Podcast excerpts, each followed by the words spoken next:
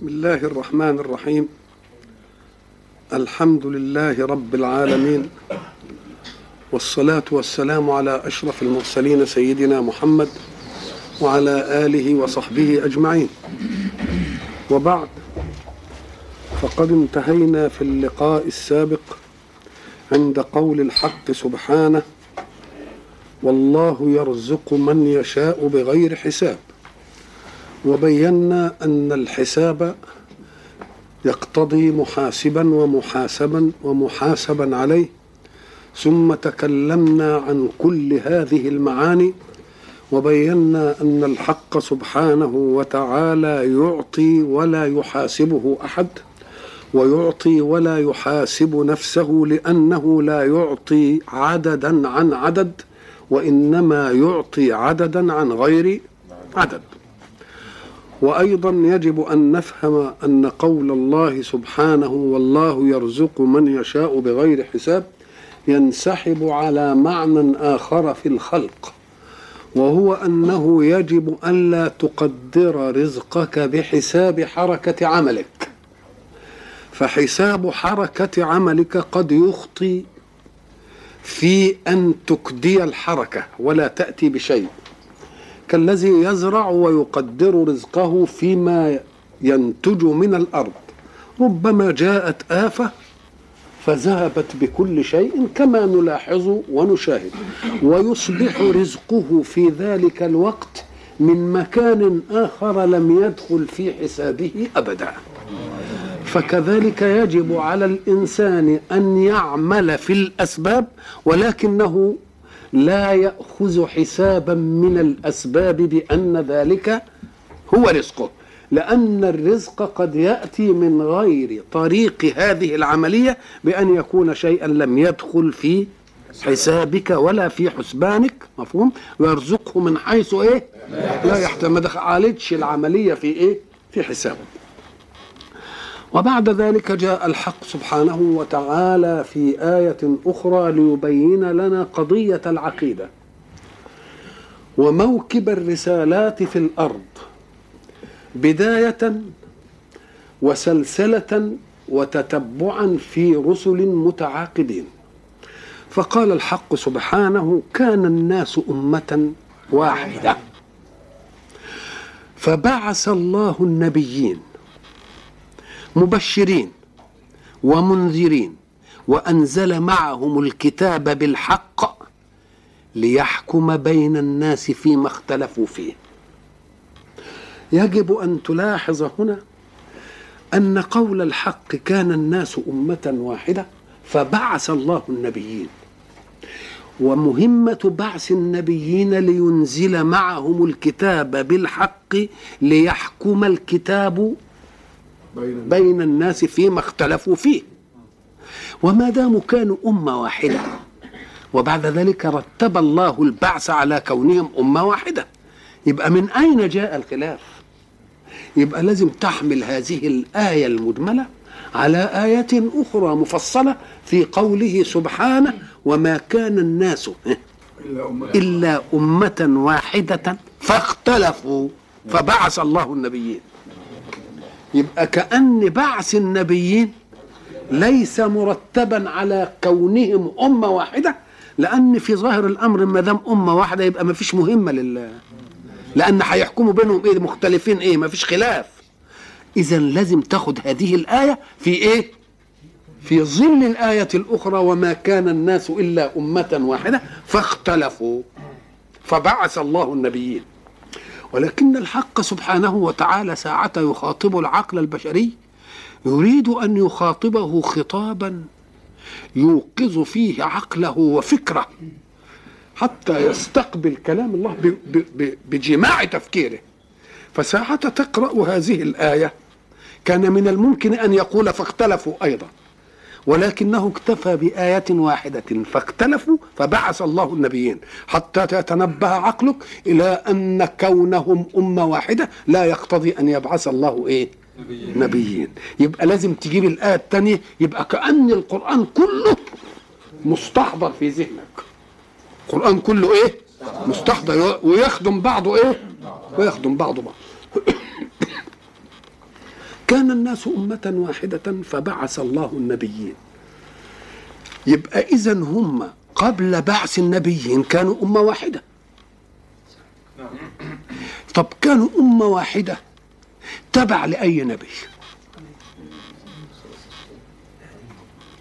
ما دام كان الناس أمة واحدة فبعث الله النبيين كانوا أمة واحدة تبع أي نبي؟ كانش آه. يبقى تبع آدم الأصيل. فكأن آدم بلغه الله المنهج بعد أن اجتباه وهداه وأرسل إليه المنهج علمه لأبنائه. فظل الناس من أبنائه على إيه؟ أمة واحدة. لم ينشأ عندهم ما يوجب اختلاف أهوائهم. لأن اختلاف الأهواء ما منشأه. العالم الواسع وكانت القلة السكانية اللي فيه أو آدم وولاده خير العالم متسع لإيه؟ للموجودين. يبقى إذا لا تطاحن على شيء. اللي عايز حاجة يروح ياخدها. إذا ما نشأتش المسألة إلا حينما نشأ آه الطمع وال وال والاستيلاء على الأشياء. الأشياء ما دام تكون موجودة كتير هنختلف على إيه؟ قلة موجودة والسماء بتمطر والأرض عمالة بت بتطلع زرع اللي عايز ده ياخده واللي عايز ده ياخده. ما فيش تحيز ما فيش ملكية. ولذلك قلنا زمان إن ما كانش فيه ملكية في الأول. ليه؟ لأن اللي عايز حاجة بياخدها عايز يبني بيت يروح يبني بيت في 20 فدان. مش كده؟ عايز في أي بتا... يروح في أي غيضة من الغ... من الغ... من الغيضات أو أي بستان أو أي حاجة وياخد اللي هو إيه؟ هو عايز وضربنا مثلا في أن الوالد الأسرة إذا ما جاء مثلا وجاء ب 20 كيلو برتقال ورماهم في في البيت. كل عيل عايز حاجة يروح ياخد لكن بقى لما يجيب كام كيلو بقى ويحطهم كده يبقى كل واحد عايز إيه؟ آه. يبقى إذا كان الناس أمة واحدة لم توجد من الأطماع وحب الاستئثار بالمنافع ما يجعلهم إيه؟ يختلفوا إذا أساس الاختلاف هو هذه الإيه؟ هذه العملية. إذا فآدم عليه السلام حينما بلغه الله المنهج كان من المفروض إنه يبلغ المنهج لمين؟ لاولاده وأولاده يتقبلوا مين؟ ولذلك تجد إن أول ما نشأ حب الاستئثار وضيق المستأثر به نشأت الخلافات. واتلوا عليهم نبأ ابني إيه؟ آه إذ قربا قربانا فتقبل من أحدهما ولم يتقبل من الإيه؟ ليه كانوا بيقربوا قربان؟ لأنهم كانوا زمان. ما دام آدم وحواء هما أصل الوجود. وإذا مثلا ولدت حواء وعايزين نزاوج هنزاوج إزاي؟ ما هم كلهم إخوة وإخوة مدركة الوقت أخوة مدركة إيه؟ يعني كل واحد منا شايف إن ده أخوه أمه إيه؟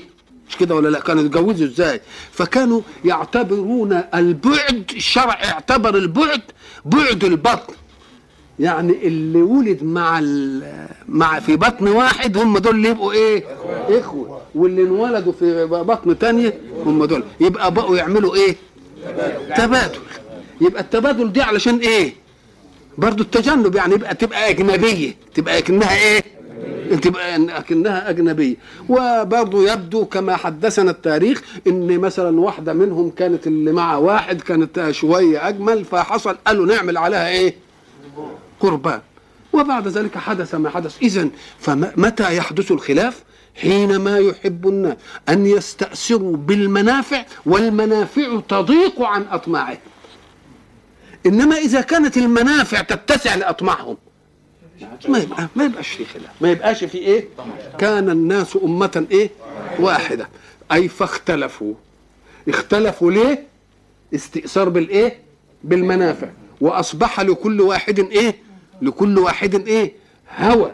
فبعث لم يشأ الله أن يجعل منهجه لآدم منهجا منسحبا إلى أن تقوم الساعة وإلا فرحمة ربنا خلقنا ويعلم إيه؟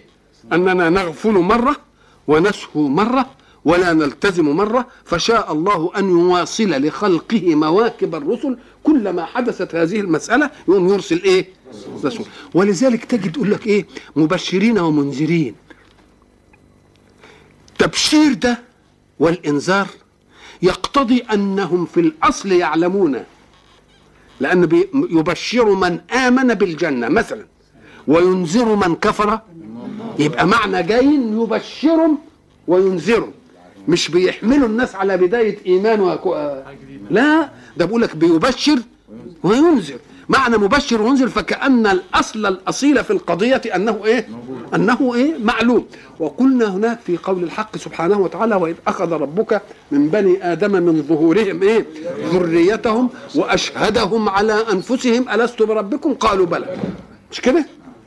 أن تقولوا إيه؟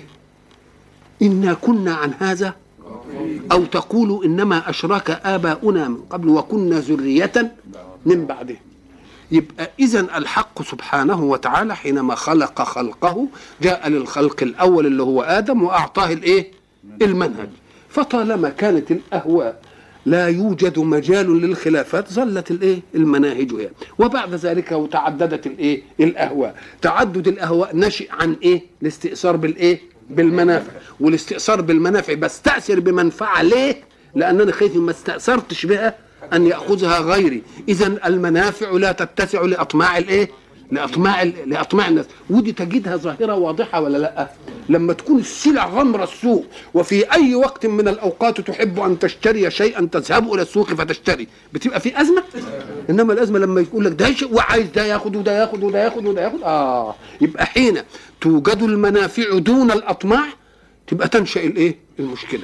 فالمشكلة نشأت فالحق سبحانه وتعالى رحم ضعف البشر أمام أهوائهم وأمام استئثارهم بالمنافع فأرسل الرسل لإيه؟ ليبشروا وإيه؟ وينذروا. وأنزل معهم الكتاب بالحق ليحكم بين الناس فيما اختلفوا فيه. شوف بقى قوله الآية اللي الكلمة دي وما اختلف فيه إلا الذين أوتوه. من بعد ما جاءتهم البينات. هي برضه من قبل بس النص يعني. من بعد ما جاءتهم الإيه؟ فكأن الاختلاف لم يشأ الله سبحانه وتعالى أن يتركهم ليختلفوا.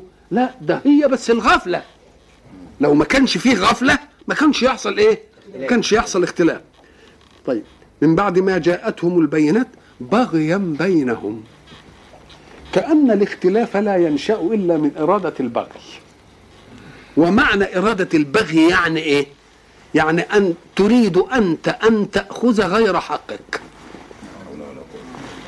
تريد أنت أن تأخذ غير حقك.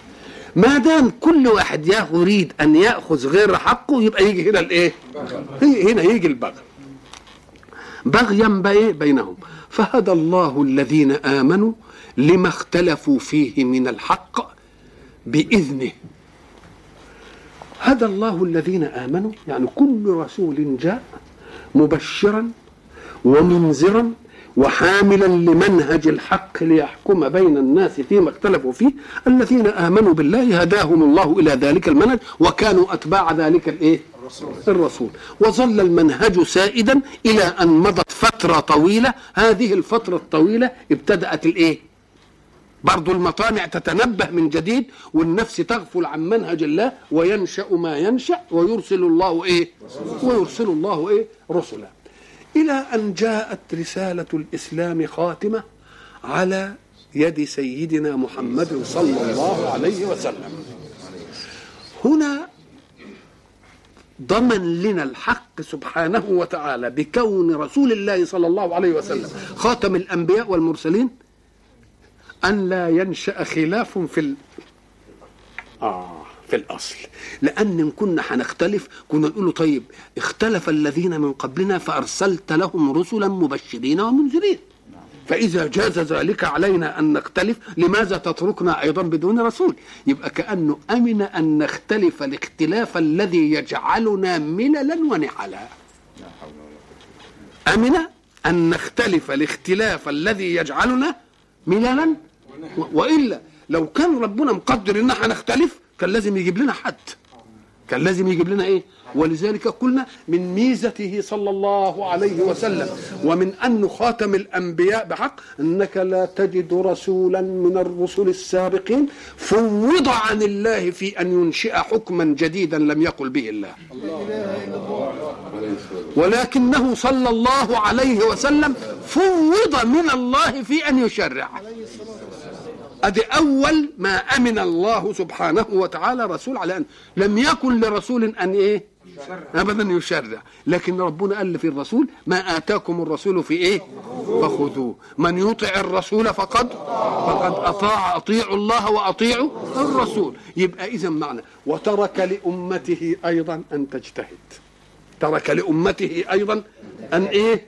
أن تجتهد. يبقى معنى ذلك أن الأمور التي ينشأ منها الاختلاف في الصميم أمن الله امه أمة محمد أن يحدث فيها ذلك. وإلا لو كان الله قد علم أزلا أننا نختلف اختلافا في الصميم كان لازم يبعث لنا إيه؟ الرسول. ولذلك تجد كل الاختلافات بين طوائف المؤمنين كلها تحاول إنها تتمحك في القرآن. وكل واحد عايز ياخد من القرآن إيه؟ دليله. يبقى إحنا ما حدش منا سايب القرآن بس كل منا عايز يروح إيه؟ وكل منا إن لم يجد حديثا من رسول الله صلى الله عليه وسلم يحاول أن يضع حديثا لينسبه إلى رسول الله. يبقى الكل رايح فين؟ القرآن ولا الرسول للقران وللايه يبقى بقي على الناس أن يكونوا اذكياء بقي على الناس أن يكونوا إيه؟ اذكياء يعرفوا هل المأخذ هذا من القرآن مقبول ولا مش مقبول؟ هل الحديث ده بمقاييس الجرح والتعديل موجود ولا مش موجود؟ يبقى اذا نباهة أمة محمد صلى الله عليه وسلم في أنهم مأمونون على كل شيء وأن الخلاف لن يصل معهم إلى الإيه؟ إلى ما وصل إليه في الأمم الإيه السابقة. ولكن عليهم أن يكونوا إيه؟ أذكياء يعلمون الأشياء التي يمكن أن تكون من غير معطيات القرآن ويريد قوم أن يجعلوها من معطيات الإيه؟ من معطيات ال- القرآن. زي ما يجي مثلا يقول لك إن الله آه، أمركم أن تذبحوا بقرة يوم يجي واحد يقول لك ده تذبحوا بقرة يعني دي عائشة المراد بها عائشة. هو بيتكلم عن أمة محمد ولا امه عمة موسى؟ بس يعني شوف أدي يعني بس حاجة بسيطة كده. حاجة إيه؟ بسيطة. نقوم نقول له أنت عايز تخدم قضية من إيه؟ قضية من عندك. ولذلك يجب أن نتنبه إلى أن القرآن والإسلام مأمون انه لن يصيبهم شيء ولا تغيير. كل ما يراد إن الم- المؤمنين يكونوا إيه؟ اذكياء فإذا أراد إنسان أن يستغل آية لسلطة زمنية أو أن يجيء بحديث موضوع ليروج به سلطة زمنية يبقوا المسلمون عندهم إيه؟ فتنة. وعندهم إيه؟ ذكاء وأنا قلت قلت سابقا أنه يجب أن نفهم أن الإسلام شاء الله به حياة القيم وشاء بالماء حياة المادة. الماء حياة مين؟ حياة المادة. والقرآن والإسلام حياة الإيه؟ القيم. الماء ليظل ماء يجب أن لا يكون له لا طعم ولا لون ولا الله الله الله يبقى إيه؟ لا طعم ولا لون ولا ريحة عشان يبقى ميه إن حبيت تعمل له طعم ولا لون نقول ده بقى شربات. ده بيحب البرتقال وده بيحب الفراولة وده بيحب المانجا انما الكل يحب الماء الكل يحب الإيه؟ فإذا رأيت دينا قد تلون بجماعة أو بهيئة أو بشكل فاعلم أن ذلك خارج عن نطاق الإسلام وقول له ده بقى شربات مش مية. بقى شربات؟ كل. كل ما تشوف دين كده كل جماعة عايزين يصبغوا دين الله بلون نقول له لا ما دام حطيت لها لون ما ينفعش. الإسلام كالماء لا لون له. فإن أردت أن تلونه الألوان دي الناس بتختلف فيه. إنما المية ما حدش اختلف عليها ابدا. كلنا نأخذ الماء ريا لنا. إنما أنت بتحب الفراولة وأنا بحب البرتقال ولا سيب اذا فيجب أن تفهم أن من ميزة الإسلام أنه لا لون له. ولذلك تجد أمتنا في مصر. أنت تعلم حظ العلم الإسلامي فيها إيه؟ يعني كل علم الاسلام في أي بقعة من بقاع الأرض مدين لهذه البلاد. كويس كده.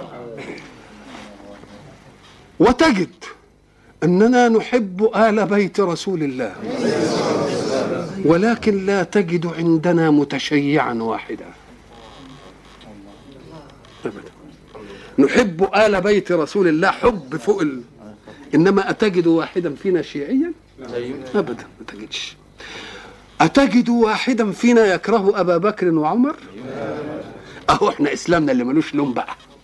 إسلامنا إحنا ملوش لون إسلامنا على طبيعة الفطرة. صبغة الله ومن أحسن من الله صبغة. لا ولذلك الذين يحاولون في أي زمان من الأزمنة أن يصبغوا الدين بشكل بطقس بلون بش... ب... ب... برسوم بهيئة خاصة. نقول له لا أنت تريد أن تخرج الإسلام عن عموميته الفطرية التي أرادها الله له. قف عند حد الفطرة الإيه؟ الإسلامية. ولا تلون الإسلام هذا الإيه؟ هذا الإيه؟ هذا التلوين. فهدى الله الذين آمنوا لما اختلفوا فيه من الحق بإذنه والله يهدي من يشاء إلى صراط مستقيم. إحنا سابقا قلنا إن كلمة الهداية معناها الإيه؟ الأمر الموصل للغاية. أمر موصل للإيه؟ الغاية. وقلنا أنها حين ترد من الحق سبحانه وتعالى والله يهدي من يشاء إلى صراط مستقيم يجب أن تفهم أن الهداية منه ترد على معنيين. المعنى الأول هو الدلالة على الطريق الموصل. المعنى الثاني هو المعونة. هو الإيه؟ المعونة. وضربنا مثل برضه ولا نزال نكرره. بعسكري المرور. يدلك على الطريق الموصل إلى الغاية التي تريدها. خلاص؟ إن سمعت كلامه واحترمته وحبيته يعطي لك شيئا من المعونة. يمشي وياك لحد ما يدلك ينفذك يركب وياك لحد ما. المخاطر. مثلا كذلك الحق. يهدي الجميع. يهدي بمعنى يدلهم. فالذين آمنوا به وأحبوه يهديهم هداية أخرى وهي أن يعينهم على ما أقاموا نفوسهم فيه. ولذلك قلنا أما ثمود فهديناهم. مش كده قالوا؟ طب ما دام هداهم كيف يقول فاستحبوا العمى على الهدى؟ لأن هداهم بمعنى دلهم.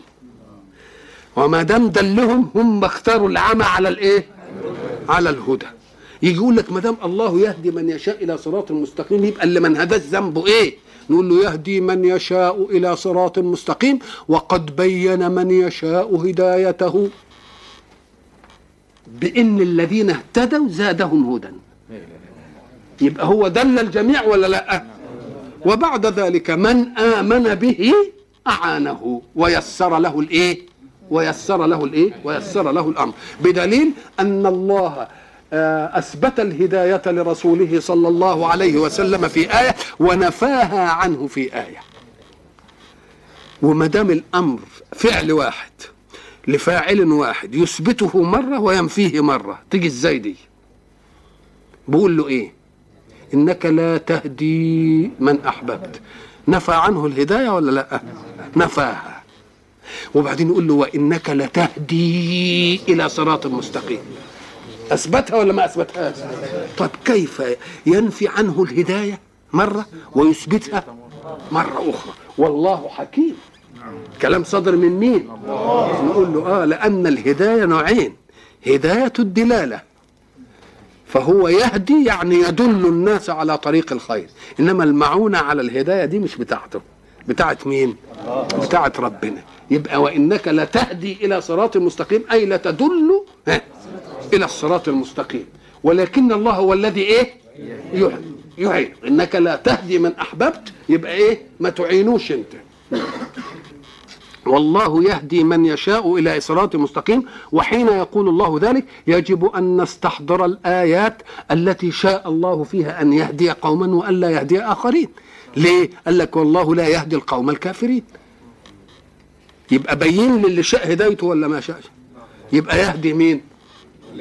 يهدي اللي آمن به يبقى يهديه بمعنى إيه؟ يعينه. وإلا يهديه بمعنى يدل الكل مدلول ولا لأ؟ الكل إيه مدلول. والله لا يهدي القوم الظالمين. والله لا يهدي القوم الإيه؟ الفاسقين. والله لا يهدي القوم الكافرين. يبقى بين من يهديه ولا لأ؟ بين أم حسبتم أن تدخلوا الجنة ولما يأتكم مثل الذين خلوا من قبلكم مستهم البأساء والضراء وزلزلوا حتى يقول الرسول والذين آمنوا معه متى نصر الله؟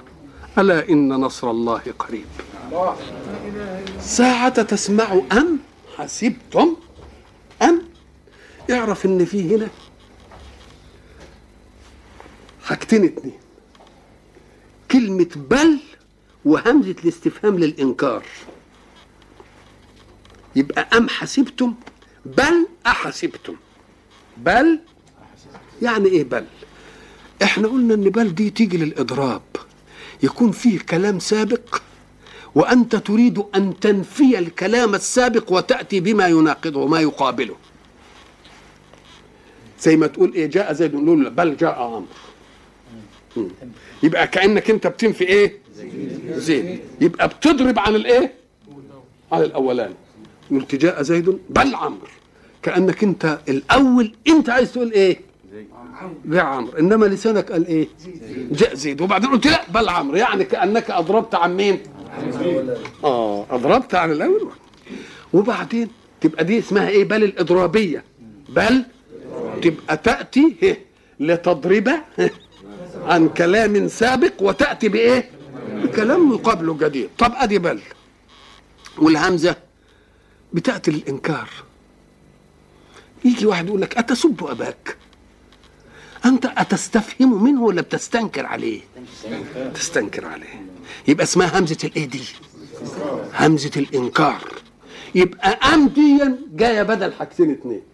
بدل بل الإضرابية وبدل همزة الإيه؟ الإنكار. طب يبقى إيه اللي اللي أضربت عنه هنا؟ أم حسبتم أن تدخلوا الجنة ولما ياتكم مثل الذين خلوا من قبلكم؟ يعني أظننتم أنكم تدخلون الجنة بدون ابتلاءات تحصل لكم؟ كأن اللي كان مظنون إيه؟ بده ينفي المظنون يضرب عن المظنون. أن ندخل الجنة بدون ابتلاء. الا أضرب عن دي وأنكر. بل ليس الأمر كذلك. بل ليس الأمر لأن همزة الإنكار تدل على النفي ولا لأ؟ آه ده على الأول يبقى إذا ساعه ترى أم؟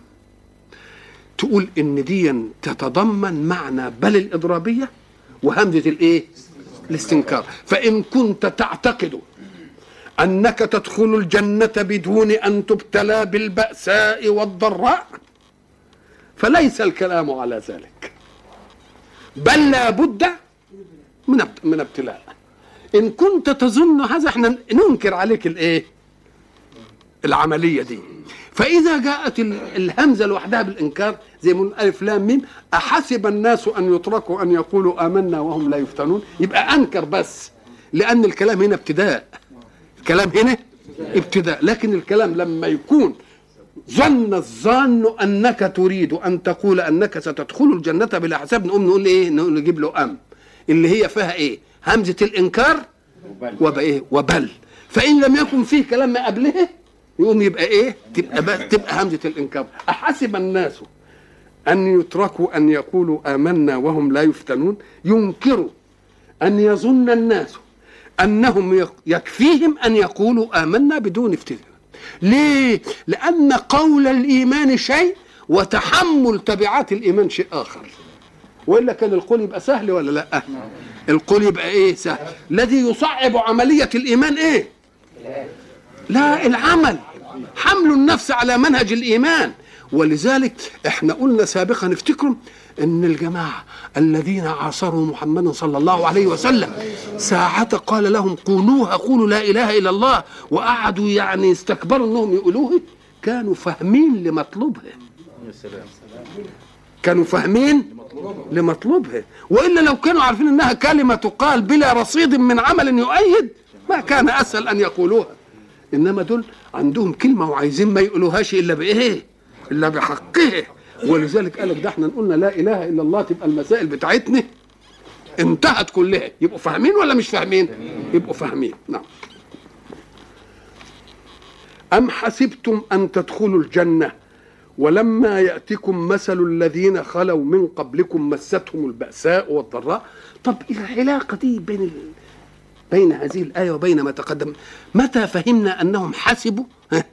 أنهم يدخلون الجنة بدون أن يبتلوا حتى يأتي الله ليضرب ببل وينكر بالهمزة. من أي شيء أخذنا؟ أم قال لك لأن ما دام حصل اختلاف في الآيات السابقة. معنى الاختلاف يعني إيه؟ إن ناس يبقى لهم آه وما دام يحصل خلاف بين جماعة يبقى يحصل متاعب ولا مش متاعب؟ يبقى لازم يحصل إيه؟ متاعب. المتاعب دي هتبقى بلاء لمين؟ لمن يصمد ويصبر على الإيمان وتبعات الإيمان تخليه إيه؟ يقف. ولذلك فهدى الله الذين إيه؟ آه لما اختلفوا فيه من الحق بالإيه؟ بإذنه. نعم. أم حسبتم أن تدخلوا الجنة؟ ولما يأتكم لما ياتكم إحنا طبعا عرفنا وإحنا بنتعلم في القواعد إن عندنا أدوات نفي وجزم مش كده؟ من أدوات النفي لم وإيه؟ لم ولما. مش كده؟ آه. قلنا قالوا إن الفرق بينهم إن هما الاثنين للنفي صحيح. بس هذا النفي استمر إلى وقت الكلام ولا ما استمرش؟ لم يحضر زيد أي في الماضي. مش كده؟ إنما ده الجائز إنه حضر الآن. لم يحضر ولكنه قد حضر. يعني قبل كده ما حضرش. إنما إيه؟ حضر دلوقتي. لكن إذا قلت لما يحضر يبقى النفي استمر إلى الآن كمان. يبقى برضه لسه ما جاش.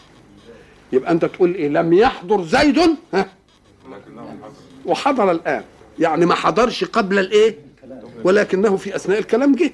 إنما ساعة تجيء لما يبقى برضه لم يحضر. لما يحضر زيد. يبقى لم لم يحضر قبل كده ولا الآن ما حضرش. يبقى اذا امتازت لما بأن منفيها يتصل بالإيه؟ بالكلام. ولم ينقطع منفيها. ده كلام على الأول وإيه كمان؟ قال لك وإذا جئت بلم مش ضروري يجي. لم يحضر زيد ويمكن ما يجيش خالص. إنما لما تقول لما يحضر يبقى فيه إيه؟ إنه في إنه هيجي يبقى فيه توقع المنفي. فيه إيه؟ توقع المنفي. ولذلك إيه؟ قالت الأعراب إيه؟ آمنا. قل لم تؤمنوا ولكن قولوا أسلمنا. ولما يدخل الإيمان في قلوبكم. أهم لما سمعوا ولما دي قالوا في أمل برضه في أمل إنه حي إيه؟ إنه هيدخل هم قالوا إحنا آمنا. فقال لهم لا خليكم صادقين. الإيمان ده عملية قلبية لا يقال إنك آمنت لأن دي المسألة بقلبك إنما أقول أسلمت يعني خضعت وعملت زي ما بتعمله إنما هل ده عن إيمان ولا مش إيمان؟ ده موضوع آخر. ده إيه؟ ولما يدخل الإيمان في إيه؟ في قلوبكم هنا بقى الآية بتقول إيه؟ أم حسبتم أن تدخلوا الإيه؟ الجنة. هم. ولما يأتكم مثل الذين خلوا من قبلكم. يبقى اذا لا يمكن أن تدخلوا الجنة إلا إذا إيه؟ جاءكم ما حدث لمن سبقكم من الإيه؟ من من الأمم. إيه؟ يفتنوا ويبتلوا ويمحصوا ببأساء ونعماء وضراء وسراء. وبعدين اللي يثبت يبقى ده يستحق الإيه؟ انه يروح الجنة. فما تظنوش إنكم أمة متميزة. إحنا صحيح ميزناكم بأشياء إنما ما ميزناكوش بإنكم تاخدوا العملية بدون ابتلاء. بل على العكس يجب أن يكون الابتلاء على قدر النعماء. بل لابد أن يكون الابتلاء على قدر النعمه أنتوا هتاخدوا دور عالي في الأمم. يبقى لازم يكون ابتلاءكم على إيه؟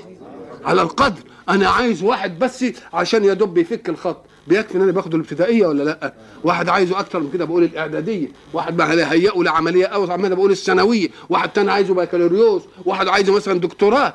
إذا كل واحد يمحص على قدر مهمته ولا لا؟ فإن كنتم على قدر مهمتكم في الوجود وأنكم ستحملون الرسالة الخاتمة وتنساحون بها في الدنيا يبقى لازم يكون ابتلاءكم على عظمة على قدر عظمة موضوعكم. ولما يأتكم مثل الذين خلوا إيه؟ من قبل.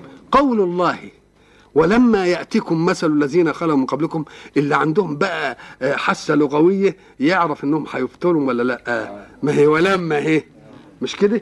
آه ولما جت هنا اهي. وما دام ولما يبقى المدخول بتاعها عنده إنه جاي يعني. آه نعم. ولما يأتكم مثل الذين خلوا من قبلكم مستهم البأساء والضراء وزلزلوا. أوه شوف كلمة وزلزلوا دي. في اللغة العربية خاصية.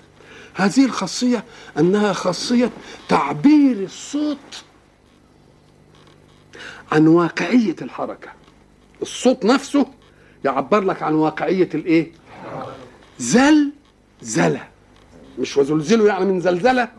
تبقى زل زلة. يبقى مقطعين اتنين. مقطع مكرر مرتين. مقطع؟ طب زلة يعني إيه؟ زلة سقط عن مكانه أو تحرك عن مكانه. خلاص؟ وقع عن مكانه. مم. طب وز... والتانية؟ آه.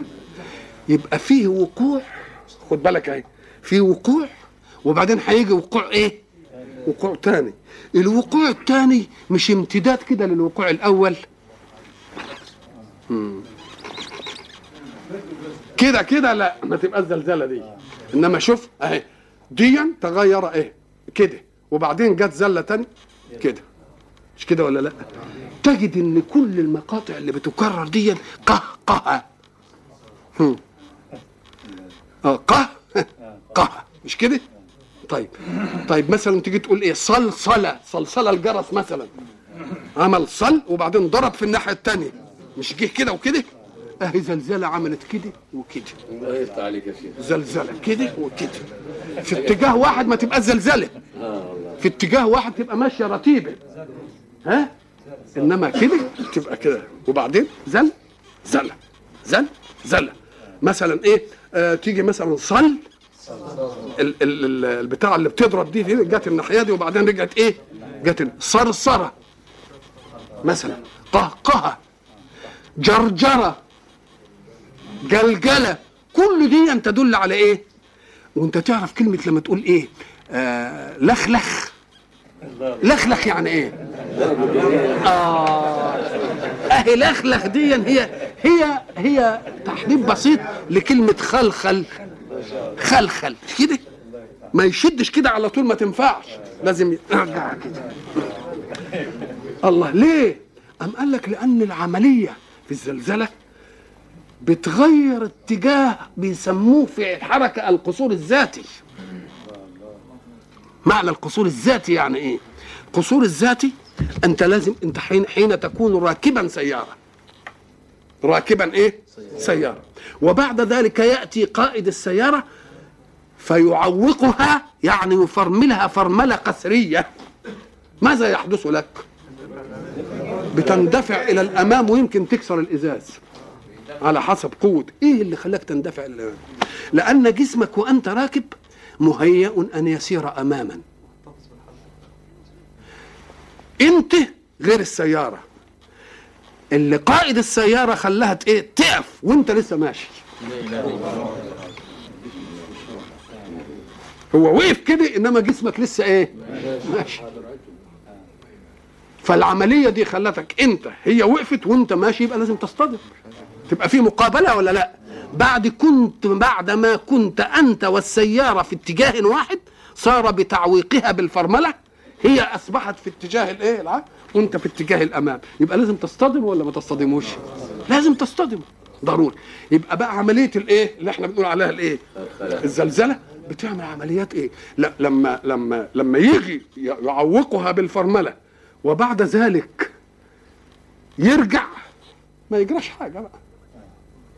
إنما اللي يحصل وبعدين يقوم وبعدين يفرمل وبعدين يقوم وبعدين يبقى عملت عددت القصور الذاتي في النفس ولا لأ؟ يبقى دي عملت الخضخضة اللي إحنا برضه خضخضة. اسمها إيه؟ برضه إيه؟ خضخضة. وزلزلوا. زلزلوا يعني أصابتهم الفاجعة الإيه؟ الكبرى الملهية. متكررة. ومش متكررة على نمط واحد. يجي ال- الإيمان. ياخدهم والمصائب والأحداث تشدهم والإيمان ياخدهم والمصائب والأحداث تشدهم حتى يقول الرسول.